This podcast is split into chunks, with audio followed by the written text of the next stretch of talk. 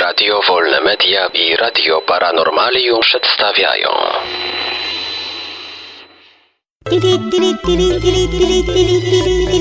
Dziwne informacje.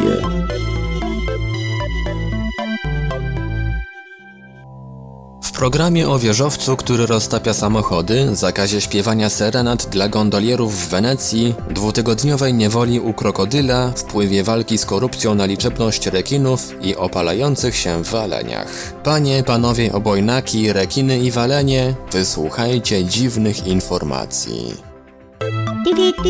Londyński wieżowiec roztapia samochody. Powstający przy Fenchurch Street w centrum Londynu wieżowiec, który kształtem przypomina odwrócony trójkąt, odbija promienie słoneczne tak, że topią się zaparkowane przed nim samochody. BBC opublikowało zdjęcia Jaguara z powyginaną karoserią. Firma budowlana przyznała, że zniszczenia spowodowało silnie skoncentrowane światło odbijające się od szyb i poinformowała, że próbuje rozwiązać problem. Właściciel dostał odszkodowanie, a władze dzielnicy wprowadziły prewencyjnie zakaz parkowania przy wieżowcu. A wydawało się, że puszczanie lusterkiem zajączków to taka niewinna zabawa. Gondolierom w Wenecji zakazano śpiewania. W ramach nowych zasad ruchu transportu wodnego zakaz śpiewania serenad dla gondolierów w Wenecji we Włoszech Będzie obowiązywać w godzinach od 9 do 20. Plan bezpiecznej żeglugi Zawiera 26 punktów. Jego zadanie polega na uporządkowaniu ruchu transportu wodnego po Canal Grande. Powodem do opracowania planu była śmierć niemieckiego turysty w wyniku zderzenia się gondoli z łodzią. Zgodnie z planem zostanie ustalony ścisły rozkład żeglugi dla transportu wodnego, a także wprowadzony zostanie zakaz wyprzedzania w najtrudniejszych miejscach. Dwa tygodnie niewoli u krokodyla. Nowozelandzki turysta spędził dwa tygodnie na malutkiej wyspie u wybrzeża Australii z powodu zagrożenia atakiem 6-metrowego krokodyla. Jak opowiedział mężczyzna, za każdym razem, gdy próbował zwodować swoją łódkę, w wodzie pojawiał się czający na niego krokodyl, musiał więc wracać na wyspę.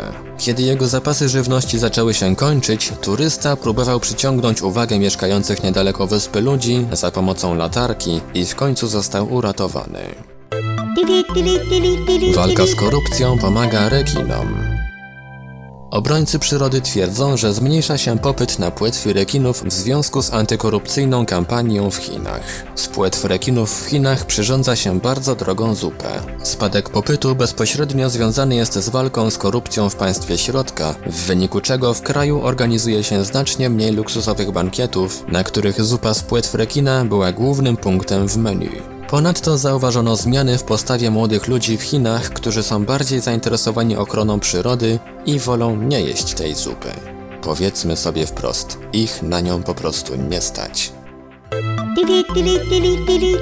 Falenie opalają się. Badania próbek skóry płetwali błękitnych, finwali i kaszalotów wykazały, że walenie opalają się. Zmiana koloru skóry pełni u nich tę samą rolę co u ludzi. Ma chronić zwierzęta przed szkodliwym promieniowaniem ultrafioletowym. Zespół naukowy Marka Bilcha Machina z Newcastle University zauważył, że w miarę jak skóra staje się coraz ciemniejsza, spada liczba uszkodzeń mitochondrialnego DNA. To oznacza, że tak jak u ludzi, melanina chroni skórę przed promieniowaniem ultrafioletowym. Na razie nie wiadomo, czy nadmierne wystawienie na działanie słońca prowadzi u waleni do rozwoju czarniaka. Dziwne informacje. Wiadomości czytał Ivelios. Wybór informacji i montaż Maurycy Hawranek. Podkład muzyczny Protologic. Produkcja Radio Wolne Media i Radio Paranormalium.